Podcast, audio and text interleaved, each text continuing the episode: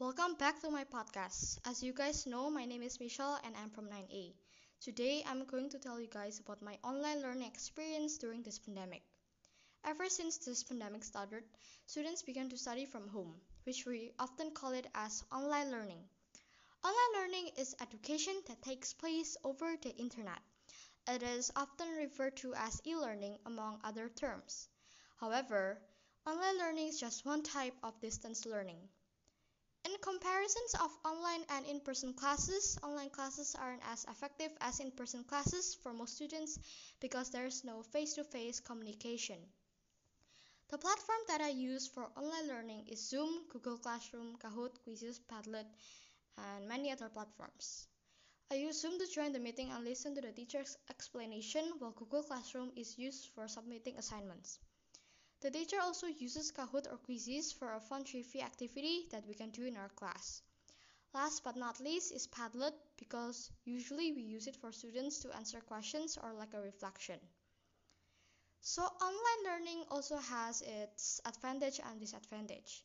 From my experience, the advantage is that I have a greater flexibility when scheduling my work, meaning it's easier for me to complete all my assignments, courses, and study too.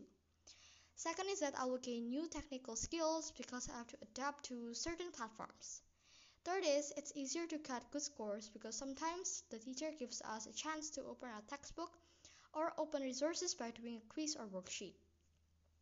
The disadvantage of online learning is that first we can't communicate that much like we usually do in classrooms.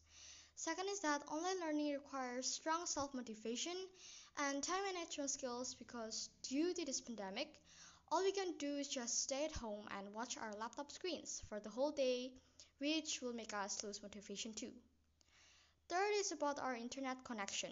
Sometimes we may have bad Wi-Fi so it makes us disconnect and that will be super duper annoying.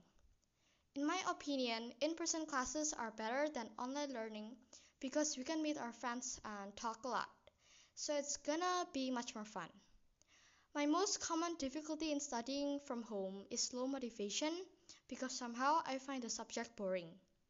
Second is there are too many distractions, like for example, my social media, friends, and many more. In conclusion, online learning has brought a positive and negative impact to the lives of students.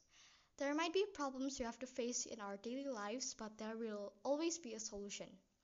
That's why online learning is the best option during this pandemic. So my suggestions to make online learning better is by enjoying it, thinking positive, and don't stress out. Thank you for listening to my podcast. Goodbye and God bless you.